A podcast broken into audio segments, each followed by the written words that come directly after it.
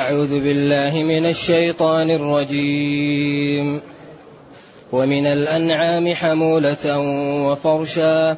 كلوا مما رزقكم الله ولا تتبعوا خطوات الشيطان. إنه لكم عدو مبين. ثمانية أزواج. من الضأن اثنين ومن المعز اثنين. قل آذكرين حرم أم الأنثيين أم اشتملت عليه أرحام الأنثيين نبئوني بعلم إن كنتم صادقين ومن الإبل اثنين ومن البقر اثنين قل آذكرين حرم أم الأنثيين أم اشتملت عليه أرحام الأنثيين أم كنتم شهداء إذ وصاكم الله بهذا فمن أظلم ممن افترى على الله كذبا ليضل الناس بغير علم إن الله لا يهدي القوم الظالمين. الحمد لله الذي أنزل إلينا أشمل الكتاب وأرسل إلينا أفضل الرسل وجعلنا خير أمة أخرجت للناس. فله الحمد وله الشكر على هذه النعم العظيمة والآلاء الجسيمة. والصلاة والسلام على خير خلق الله وعلى آله وأصحابه ومن اهتدى بهداه. أما بعد فإن الله تعالى يبين في هذا الكتاب ما ينفع هذه الأمة ويأمرهم باتباعه وينهاهم عما يضرهم ويحذرهم من سلوكه. وهذا يتكرر ويأتي بأشكال مختلفة. بطريقة لا تجعل للمنصف لبسا ولا تجعله يرتاب في صحة هذا الدين وحسنه وأنه جاء لإنقاذ البشرية. فبالأمس كان في الدرس قد خسر الذين قتلوا أولادهم سفها بغير علم وحرموا ما رزقهم الله افتراء على الله قد ضلوا وما كانوا مهتدين. هذا المقطع هذه الآية تبين الضلال التي كان موجود عند العرب قبل نزول الإسلام. قد حرف تحقيق. خسروا نقصوا. الذين قتلوا أولادهم سفها ما هو لأجل الانتقام ولا هو لسفه. بعدين بغير علم. سفه وبغير علم. بعدين وحرموا ما رزقهم الله. المتعة التي أعطاهم الله والنفع المال والبنون زينة الحياة الدنيا. افتراء على الله يعني كذبا وزورا وبهتانا وتشريعا لم يشرعه الله. إذا قد ضلوا وما كانوا مهتدين.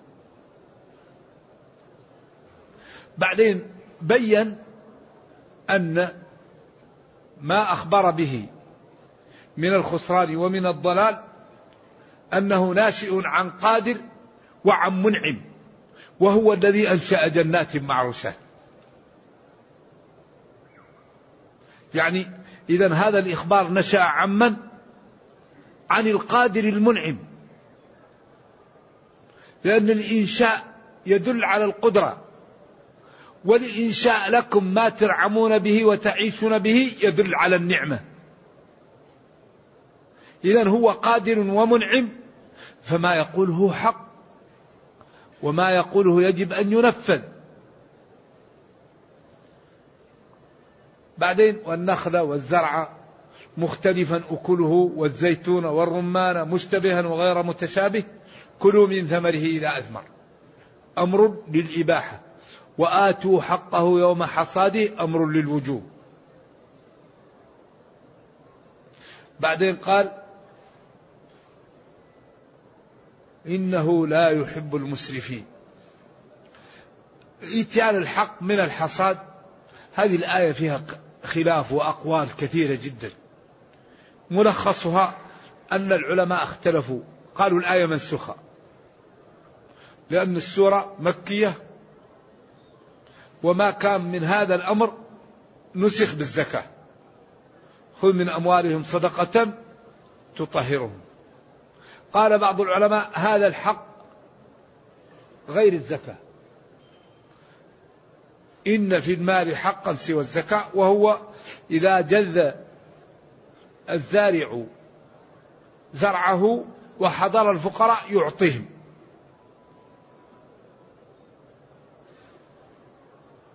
وقال بعض العلماء لا هذا في الزكاة وهو مجمل فيما يخرج ومبين في الوجوب فهو من جهة مجمل ومن جهة مبين.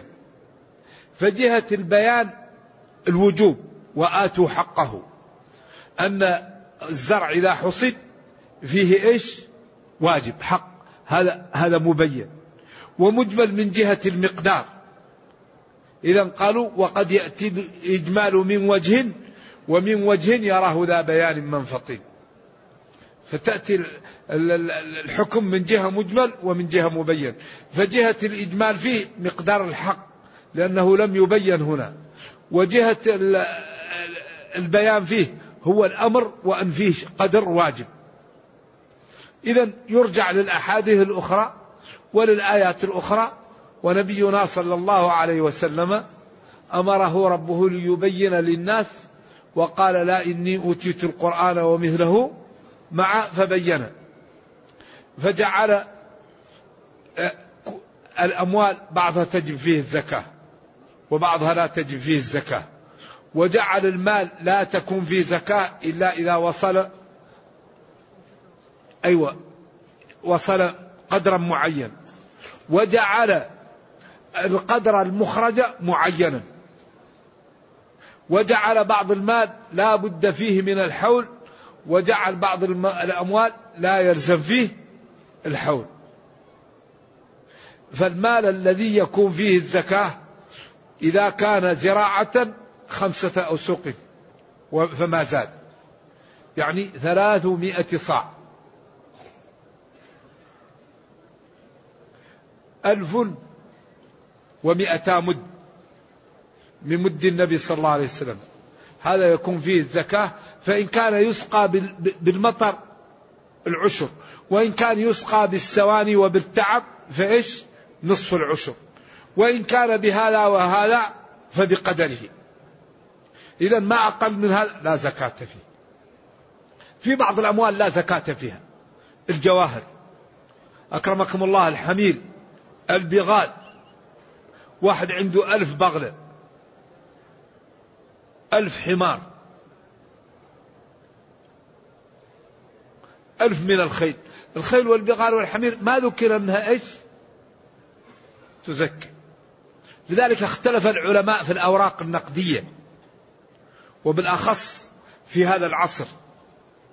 فمن العلماء من قال الأوراق النقدية لا زكاة فيها لأن الأصل حرمة أموال الناس وهذا مال جديد ووجد وما فيه زكاة. جمهور العلماء قالوا هذه الأوراق الجديدة والعملات هي لا تقل عن الذهب والفضة لأنها يؤخذ بها إيش؟ تأخذ بها كل ما تحتاجه.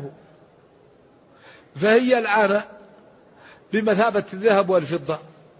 قالوا الذهب والفضة فيهم شيء متمول في نفوسهم. أما هذه الأوراق إذا رفعت عنها الحصانة لا, لا فائدة فيها. أما الذهب والفضة لو رفعت عنهم الحصانة فهم فيهم قيمة ذاتية متمولة. فقالوا هذه القيمة الذي التي توجد في الذهب والفضة هي قيمة اعتبارية.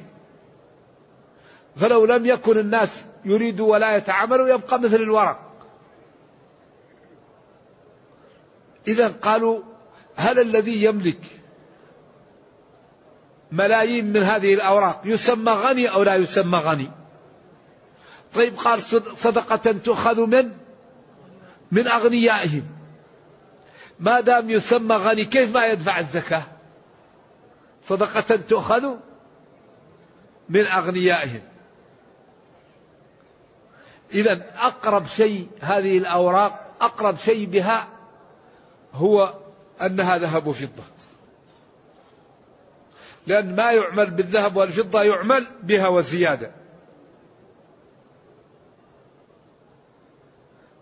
و لكن آه، يعني تكييفها فيه صعوبة.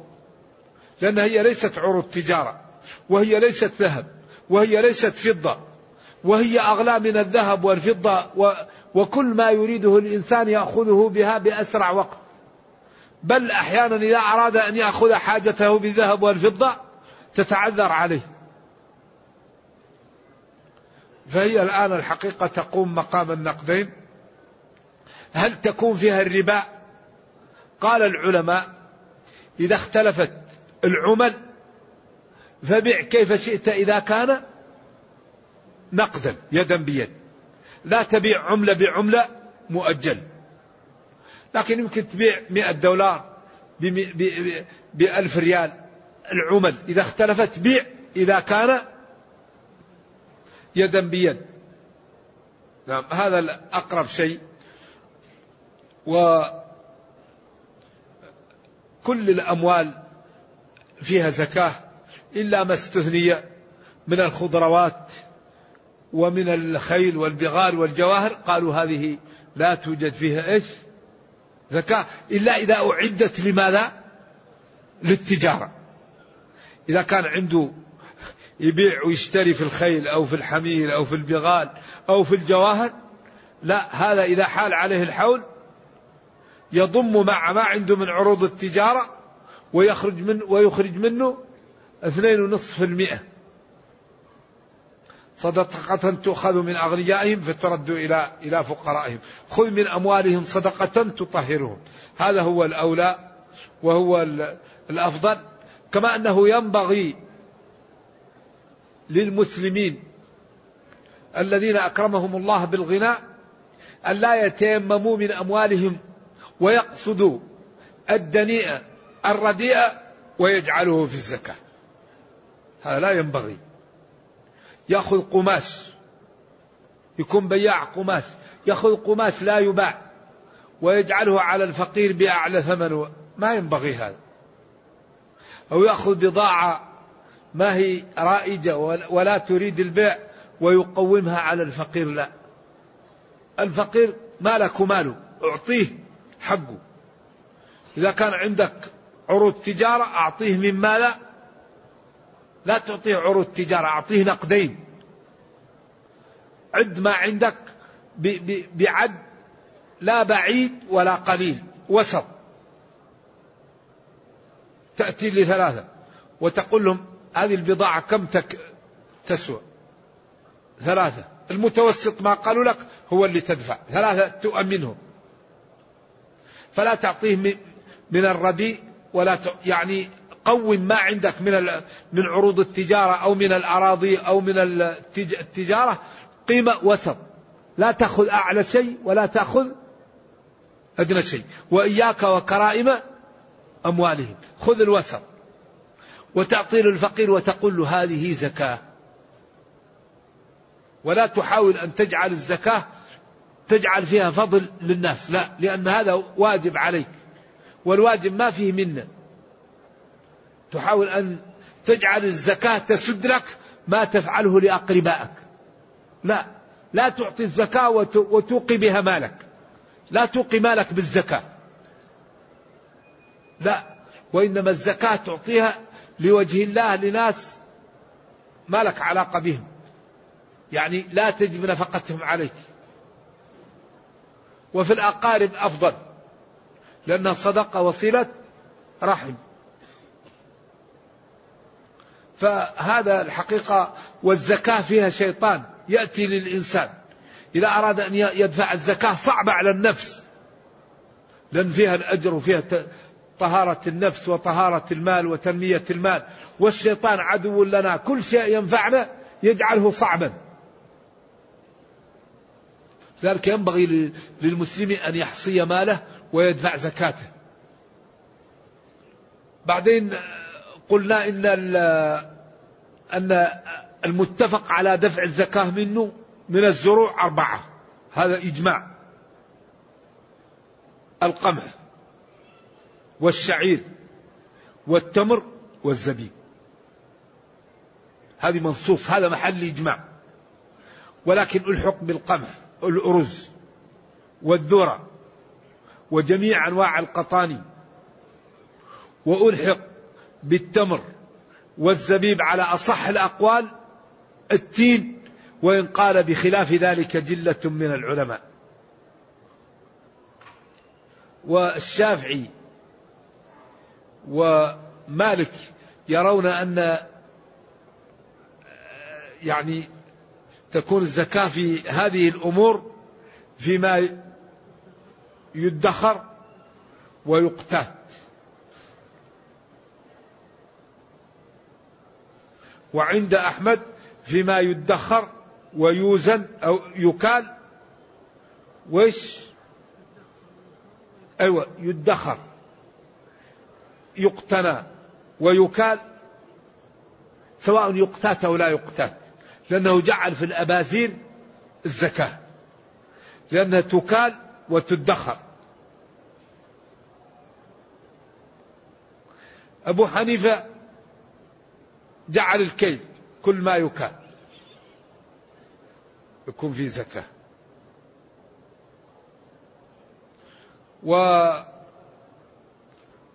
والجمهور قالوا الخضروات لا زكاة فيها. وآية الأنعام هذه تدل على أن لولا ما فعل السلف لقيل إن كل زراعة إذا حصدت يخرج منها. وآتوا حقه يوم حصاده. لكن واقع المسلمين المدينة فيها مزارع ما أخذ من من الخضروات ولا من الفواكه والطائف لما فتحت. فدل ذلك على أن هذه الخضروات وهذه الفواكه لا تؤخذ منها الزكاة. طبعا إلا إذا كانت تجارة وبلغت مئة درهم أو أربعين دينار هذه بلغت النصاب وحال عليه الحول تضم مع عروض التجارة وتدفع الزكاة منها لأنها إيش؟ تجارة. أما إذا كانت للاستعمال وتحصد لأجل الاستعمال لا زكاة فيها. هذا أقوى شيء والله أعلم. ثم قال ولا تسرفوا إنه لا يحب المسرفين. لما أمر بالإعطاء نهى عن الإسراف والإسراف من جهتين. قد يكون إسراف تفريط وقد يكون إسراف إفراط. فمن كلا طرفي قصد الأمور ذميم. فالإنسان لا يعطي كل ماله ويبقى يحتاج للناس. والإنسان لا يمنع الواجب ف ف فيذم ويأثم لذلك يعني يسألونك ما لا ينفقون؟ قل العفو. قال العلماء ما زاد على الحاجة الضرورية. عفا إذا زاد. عفت الديار. حتى عفوا. يعني فالعفو هو الزيادة عن الحاجة الضرورية. وكما أن الله تعالى نهى عن التقتير وعاب البخل وأي داء أدوأ من البخل. ولا توجد صفة أجمل من الكرم. تستر بالسخاء من كل عيب فإن العيب يستره السخاء.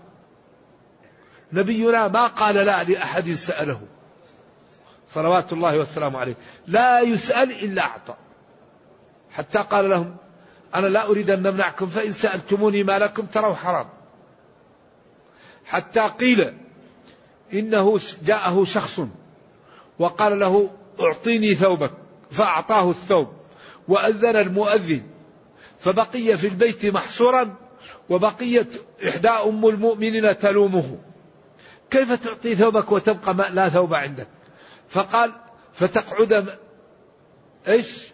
ملوما محسورا. ملوما من أمهات المؤمنين كيف تعطي ثوبك؟ محصورا عن الصلاة لا تستطيع الخروج. طبعا والأثر لا يصح. إيه، لكن ورد هذا. إيوه لكن ليس بثابت. سندا طبعا. لكن قد يكون ثابت معنى والسند لا يصح. اذا الإسراف يكون ببذل الزايد أو بمنع الواجب. هذا كله إسراف. وقال بعض العلماء لو أعطيت مثل جبل من وأنفقته في الخير لا يقال إنه إسراف وإنما الإسراف في الحرام. وهذا جيد. الصدقة وبذل المال في وجوهه لا يسمى إسرافا. وبالأخص من كان يصبر. من كان إذا أعطى ماله يصبر ويتعفف لا مثيل لمثل هذا. أما إذا كان الإنسان لا يصبر ويسأل الناس وتتوق نفسه لما عند الناس الأفضل له أن يمسك بعض ماله حتى يعف نفسه وحتى لا يحتاج للآخرين. نعم. ثم قال ومن الأنعام حمولة وفرشا ومن وأنشأ من الأنعام حمولة الحمولة الكبيرة كالجمل الكبير. وقيل الخيل وذكر بعضهم البغال والحمير وهذا كون من الأنعام غير واضح إلا إذا كان بالتغليب. وفرشا صغار الإبل وقيل الفرش الغنم لأنها قريبة من الأرض أو لأن من الأنعام ما هو يحمل عليه ومنه ما هو يفرش به يعمل من أصوافها وأوبارها وأشعارها وجلودها ما يفرش. لكن الأوضح أن ومن الأنعام حمولة كبيرة ومنها صغيرة كالغنم وكأولاد الإبل وهي الصغار. هذا الأظهر ومن الأنعام حمولة وفرشا. كلوا مما رزقكم الله. ومن وهذا يقوي أن المقصود بالأنعام الإبل والبقر والغنم. كلوا. أمر للإباحة وللامتنان وللإرشاد. مما رزقكم الله. ولا تتبعوا خطوات الشيطان أو خطوات الشيطان إنه لكم عدو مبين. إنه أي الشيطان. لكم أيها المسلمون وأيها الناس عدو بين العداوة. معاد وكاره لكم مبين ظاهر العداوة وواضحها وبينها. وهذا فيه إرشاد للمسلمين وإيماء إلى أن هذا التحريم الذي فعلوه وهذا التفصيل هو من الشيطان ومن الأنعام حمولة وفرشا وقد خلقها الله لكم وأخبر أنه خلق لكم ما في الأرض جميعا. فما خلق لكم وأنعم عليكم به فكلوا منه. ولا تتبعوا خطوات الشيطان في التحليل والتحريم فإن ذلك ليس من شرعي ولم آتكم به. نعم. ثم قال ثمانية أزواج. إيش إعراب ثمانية أزواج؟ ما في الصحبة مع السبويه بدل من حمولة وفرش. وأنشأ لكم من الأنعام أو خلق لكم من الأنعام حمولة وفرشا وبعدين هذه الحمول والفرش هي ثمانية أزواج على أصح الأقاويل. إذا هي بدل.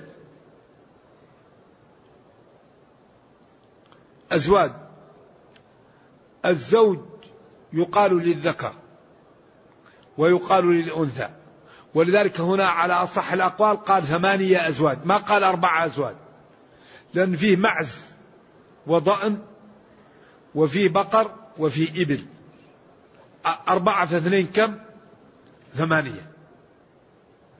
وهنا يريد القرآن أن يحيط الكفار بطريقة تجعلهم يقتنعون أن ما فعلوه خطأ وأنه لا مستند إليه بطريقة رائعة. في غاية البيان والوضوح. إذا قال ثمانية أزواج. من الضأن اثنين. النعجة والكبش. ومن المعز اثنين المعزة والتيس. ومن البقر بعدين قال ومن البقر اثنين الثور والبقرة. ومن الإبل اثنين الناقة والجمل. ما في غير هذه الثمانية. هو أراد يقول قل الذكرين حرم أم الأنثيين؟ طيب التحريم جاء لهذه الجهات من الذكر أو من الأنثى. أو ما اشتملت عليه أرحام الأنثيين أو لأنه كان في الرحم. لا إله إلا الله. نبئوني بعلم إن كنتم صادقين. إن كنتم صادقين في قولكم هذا حلال وقولكم هذا حرام من أين جاء لهذا التحريم ومن أين جاء لهذا التحليل؟ من أين من أين أخذتم هذا؟ من الذكورة أو من الأنوثة أو من اشتمال الرحم عليه؟ وبعدين كرر كرر كرر ليوضح. لذلك القرآن إذا أراد أن يقنع يأتي بطريق لا تترك للمنصف نفسا. إذا أراد أن يخوف إذا أراد أن يرغب إذا أراد أن يبين عجيب. لذلك بيان لا وراء وراءه. طيب من أين جاء التحريم؟ ثم قال ومن الإبل اثنين ومن البقر اثنين قل الذكرين حرم أم الأنثيين؟ أما اشتملت على أرحام الأنثيين. أم كنتم حضراء شهداء؟ إذ وصاكم الله بهذا. طيب أنتم كنتم يا هؤلاء الذين شهداء إذ قال لكم الله حرموا هذا حللوا هذا. من أين لكم هذا؟ إذا قال فمن أظلم؟ لا أحد أظلم. ممن افترى على الله كذبا.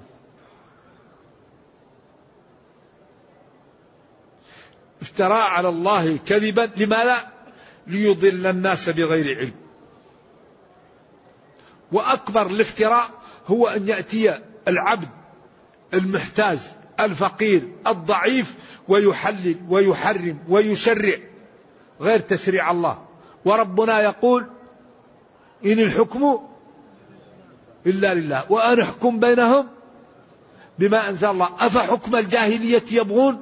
ومن أحسن الله ومن أحسن من الله حكما لقوم يوقنون. ونهاهم عن اتباع الشيطان وأخبر أن اتباعه في تشريعه عبادة لهم.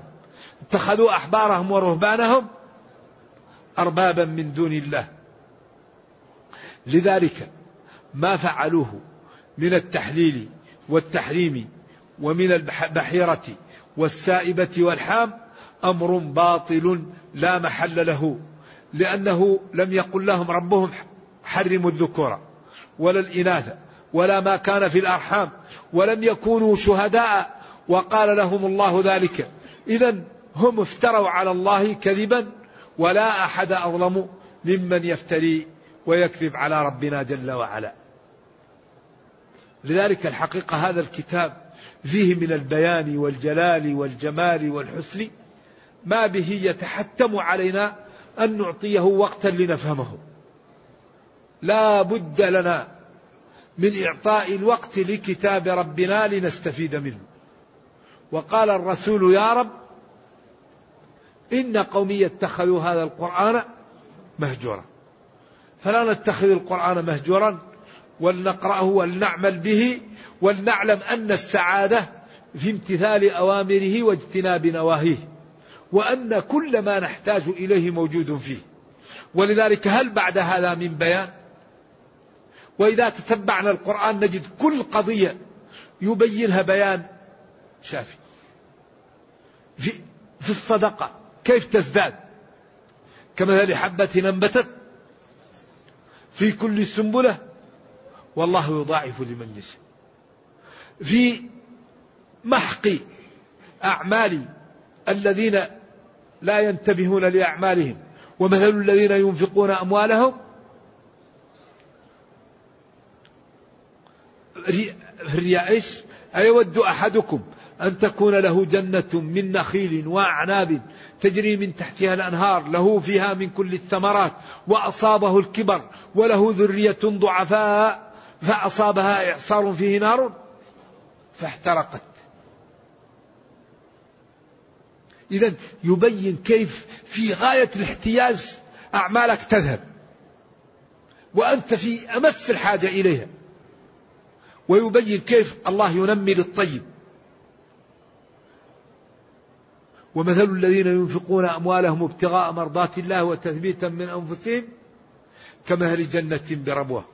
أصابها وابل فآتت أكلها ضعفين فإن لم يصبها وابل فطل القرآن كل بيان وتوضيح وهنا رد على هؤلاء الذين يجعلون الوصيل والحام ويحللون ويحرمون بأن ما قالوه لا دليل عليه ولم يأتي به هذا الشرع وإنما اخترعوه من أنفسهم وهذا أمر باطل وصاحبه معرض للعقوبة. فينبغي أن يتوب من يفعل ذلك. فهذا الكتاب الحقيقة بين لنا ما نحتاجه ووضحه لنا وكل أمر في الدنيا نحتاج إليه مبين فيه. فحري بنا أن نعطيه الوقت وأن نفهمه وأن نعمل به وأن نتمثله ونتربى على أوامره ونحذر من نواهيه فإننا إن فعلنا ذلك الله جل وعلا أعزنا في الدنيا ورحمنا في الأخرى. وأي شيء أعظم من أن يصلح للعبد دنياه وأخراه. الذي يسير على هذا الكتاب ربنا يصلح له دنياه وأخراه. ولينصرن الله من ينصره.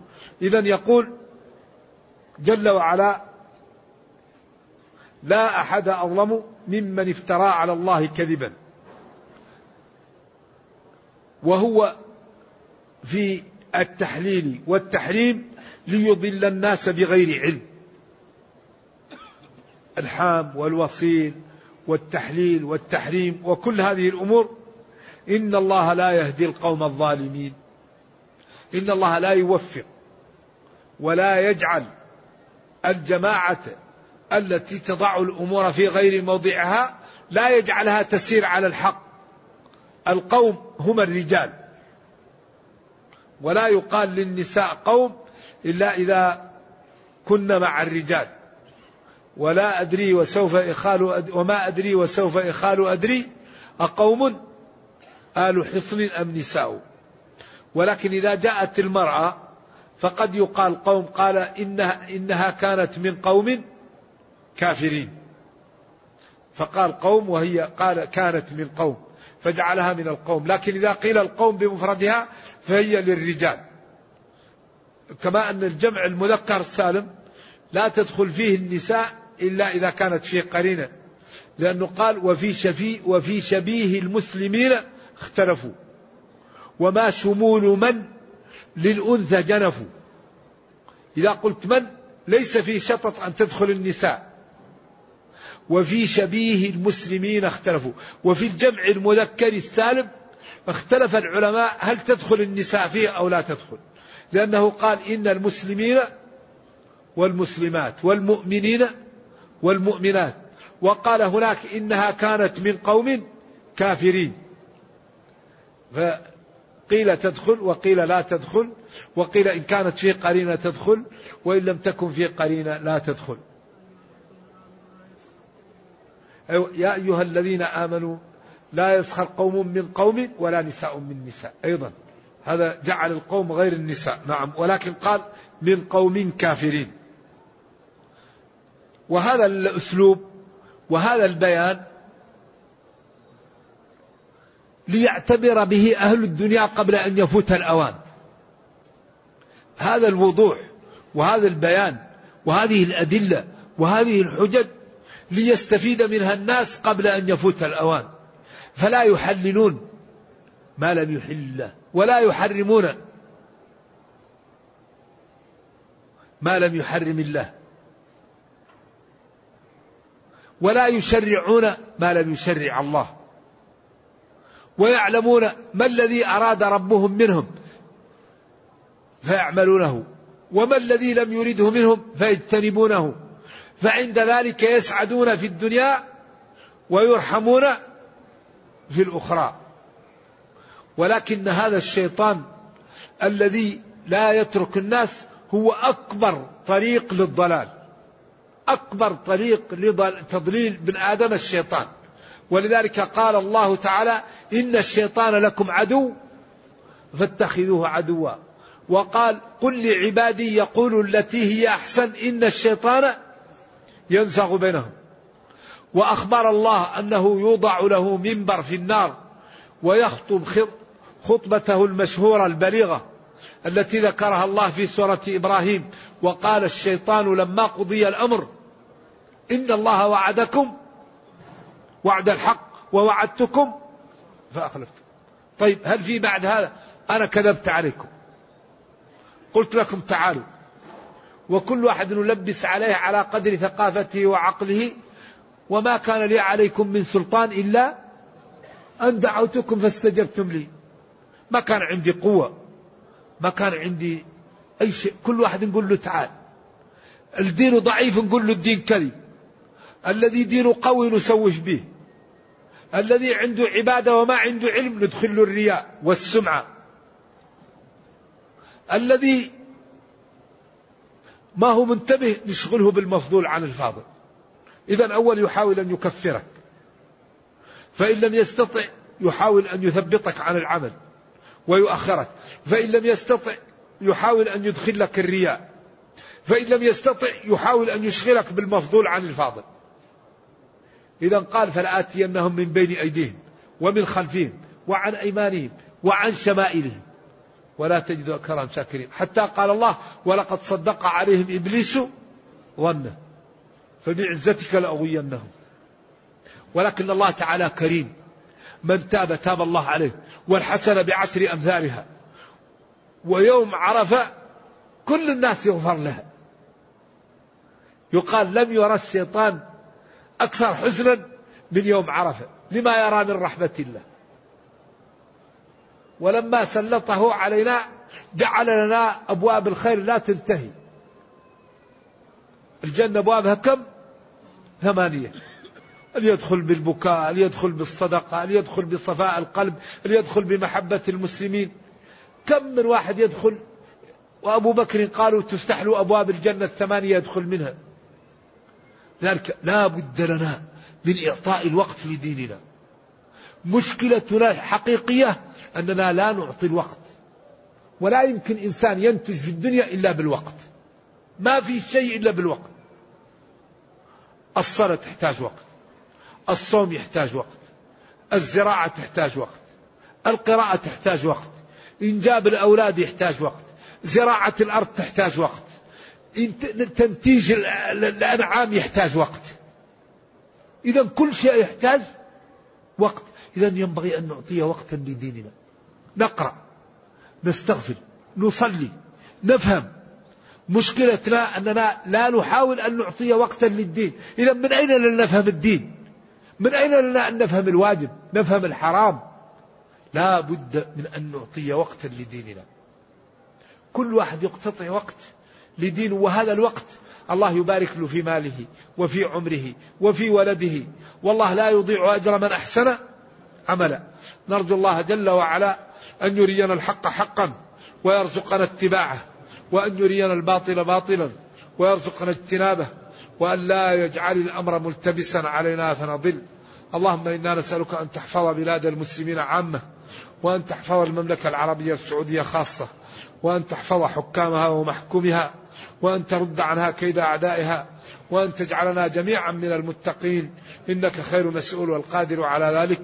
والسلام عليكم ورحمة الله وبركاته. يقول زكاة الحلي ما الصحيح فيها والراجح؟ هذه زكاة الحلي الراجح أن الحلي المتخذ للاستعمال لا تجب فيه الزكاة. والذي يريد أن يحتاط يخرج الزكاة منه احتياطا. هذا آخر شيء. الحلي المتخذ للاستعمال لا تجب فيه الزكاة. لكن ما تأخذ المرأة مئة ألف وتضعها في الحلي. هذا ما هذا أصبح إيش؟ كنز.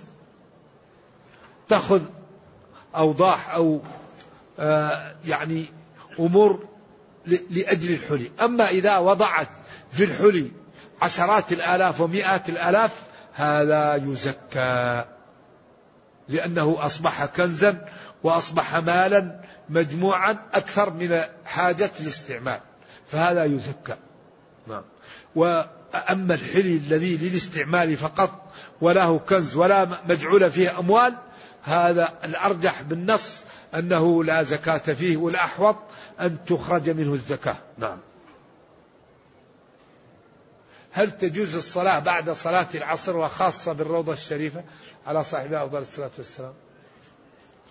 الصلاة بعد العصر لغير سبب لا تنبغي. لا بد من سبب. إنسان طاف إنسان خرج من المسجد وتوضأ ودخل المسجد أما يكون جالس في المسجد ويصلي لا.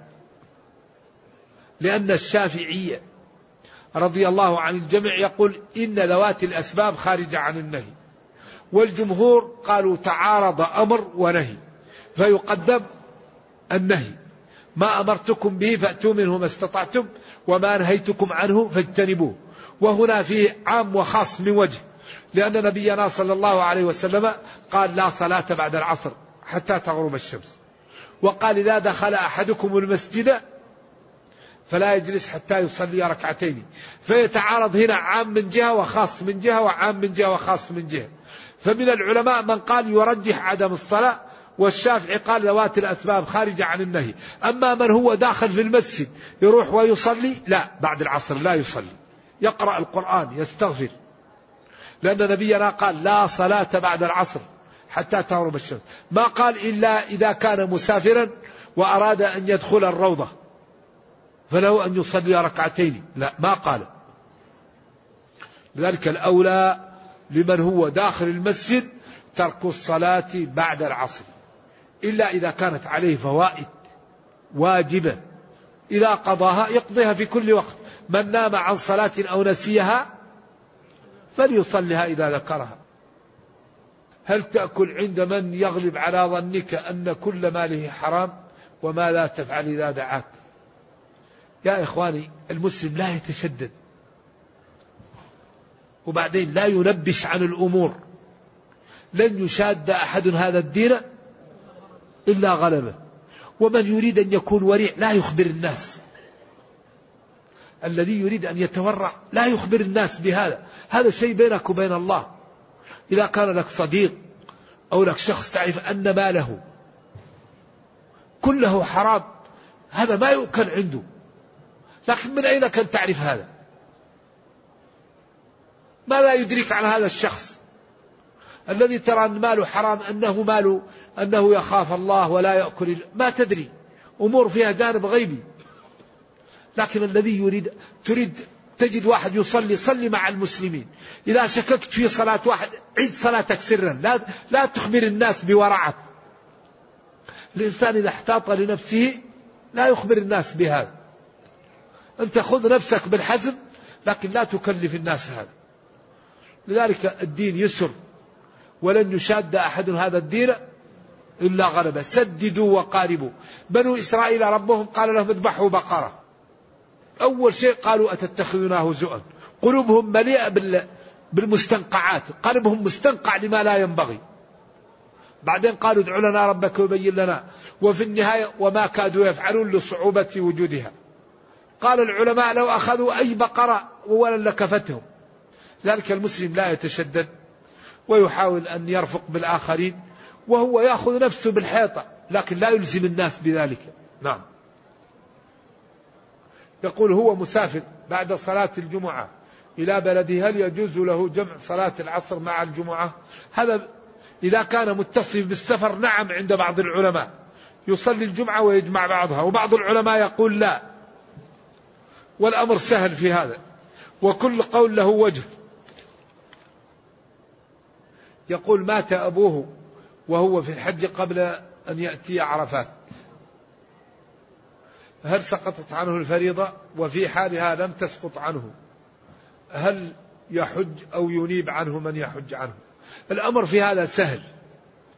أولا أبوك إن كان في الوقت الذي استطاع الحج مشى إلى الحج ومات في الحج لا شيء عليه. ويبعث يوم القيامة ملبيا لأنه لما مات رفع عنه التكليف وهو عندما وجب عليه الحج قام به. إذا لا شيء عليه. وإن أردت أن تحتاط لوالدك وتحج عنه إما بنفسك أو ببدل الأمر سهل ولك الأجر إن شاء الله. إذا الأمر كله في سعة. يقول ابني أرضعته والدتي هل يجوز له الزواج من بنات أخواتي؟ وأخواتي؟ لا أخواتك أعمامه. لكن ابن العم وابن الخال يجوز. أيوة. هل يجوز له الزواج من بنات إخواني؟ ابن الأخ وبنت الأخ محرمة. أما ابن العم وابن الخال غير محرم. والمحارم سبعة بالنسب وسبعة بالرضاء وسبعة بالمصاهرة. كم هذا إحدى وعشرون. هذه المحرمات والمتزوجة والملاعنة. هذه المحرمات. المتزوجة تحرم حتى تتطلق وتعتد. والملاعنة تحرم على الصحيح على التأبيد. واحد وعشرين واثنين ثلاثة وعشرين إلا أن ثلاثة يحرم تزويجهم وليسوا بمحارم. عمة المرأة وخالتها وأختها. هذا لسنا بمحارم ولا يجوز تزويجهن مؤقتا. أيوة. وأن تجمعوا بين الأختين وتحرم المرأة على عمتها وخالتها. أما أمهاتكم وبناتكم وأخواتكم وعماتكم وخالاتكم وبنات الأخ وبنات الأخت. هذه سبعة. يحرم من الرضاع ما يحرم من النسب. وأم الزوجة وبنت الزوجة وزوجة الأب وزوجة الإبن والعمة والخالة والأخت. إلا أن أم الزوجة لا بد أن يدخلش بالبنت. وربائبكم اللاتي في حجوركم من نسائكم اللاتي دخلتم بهن. هذا بس اللي يشترى. هذا الدين كل شيء مبين فيه. لكن الحقيقة نحتاج أن نعطيه بعض الوقت. يا أيها النبي بلغ ما أنزل إليك من ربك وإن لم تفعل فما بلغت رسالته. هذا النبي صلى الله عليه وسلم يأمره ربه أن يبلغ ما أنزل إليه. يؤكد والنبي مبلغ كما قال آمنوا بالله ورسوله أي دوموا على الإيمان على أصح التفاسير. لأن النبي صلى الله عليه وسلم بلغ وقال اليوم أكملت لكم دينكم. ولكن هذا من باب التأكيد على هذا والأمر بالبلاغ. ولذلك قال ليبلغ الشاهد الغائب. قال نزلت في حق سيدنا في علي هذا كلام باطل هذا اللعب عين اللعب. لا لا. هو النبي صلى الله عليه وسلم نزلت عليه آية وأغلب المفسرين يفسرها خطأ. لأنه قال وإذ تقول للذي أنعم الله عليه وأنعمت عليه. أنعم الله عليه بالإسلام وأنعمت عليه بالرق بالعتق. أمسك عليك زوجك. أمسك عليك زوجك. واتق الله. وتخفي في نفسك ما الله مبديه. المفسرون مع الأسف يقول أخفى في نفسه حبه لها.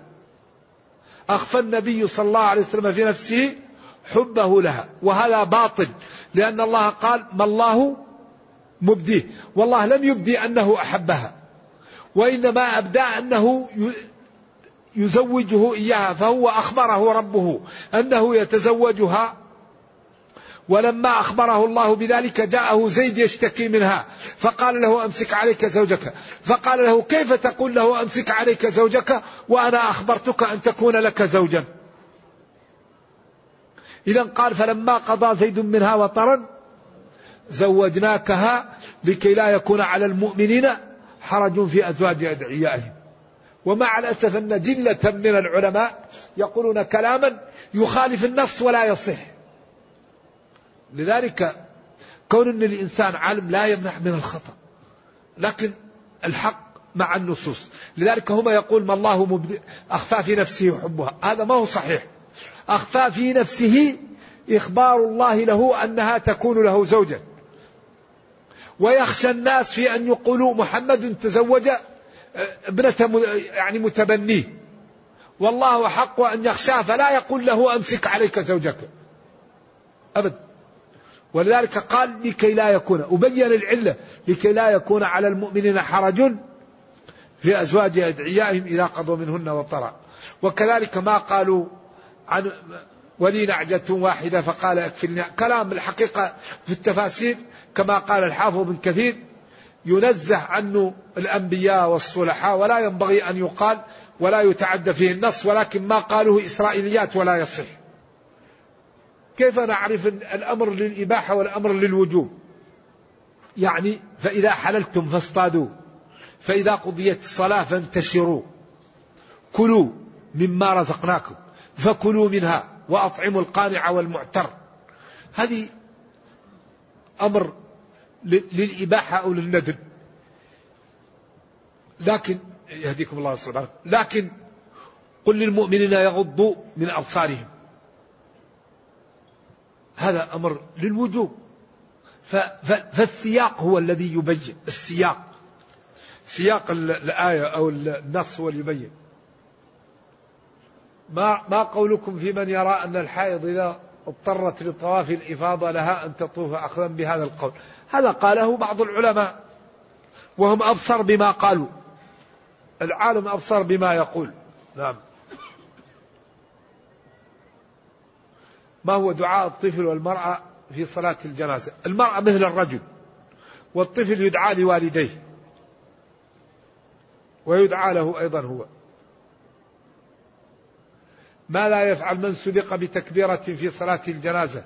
هل يقرأ الفاتحة أم يبدأ بالصلاة على النبي؟ لا يقرأ الفاتحة ويصلي على النبي صلى الله عليه وسلم ثم يدعو للميت وما فاتكم فأتموا. طول الصلاة وعليكم السكينة. فما أدركتم فصلوا وما فاتكم فأتموا أو فقدوا في الجنازة نعم على أصح الأقوال. هل من نصيحة للإسراف في الحفلات وقد ترمى الكثير من الأكل لا تسرفوا وكثير من الطيبين يعمل حفلة ويكرم ضيوفه وإذا بقي شيء يذهب به ويوزعه على الفقراء ويحفظه وهذا الذي يظن بالطيبين إن شاء الله. كيف قدرة الله ومشيئته مع قدرتنا ومشيئتنا وبأن القدرة مع الفعل لا قبل الفعل. هذا مشاكل. القدرة هو ما يوجده الله للعبد لأن العبد لا يقدر إلا بإرادة الله وما تشاءون إلا أن يشاء الله. قال ولكن كره الله انبعاثهم فثبطهم وقيل اقعدوا مع القاعدين بعدين قال لو خرجوا فيكم ما زادوكم إلا خبالا. ولكن العبد الله أعطاه إرادة وقدرة على قدره وكلفه وهذه الأمور البحث فيها يعني لا يأتي بطائل. والنبي صلى الله عليه وسلم قال اعملوا فكل ميسر لما خلق له. وقال من قبل أن نبرأها إن ذلك على الله يسير. وبين نرجو الله السلام والعافية.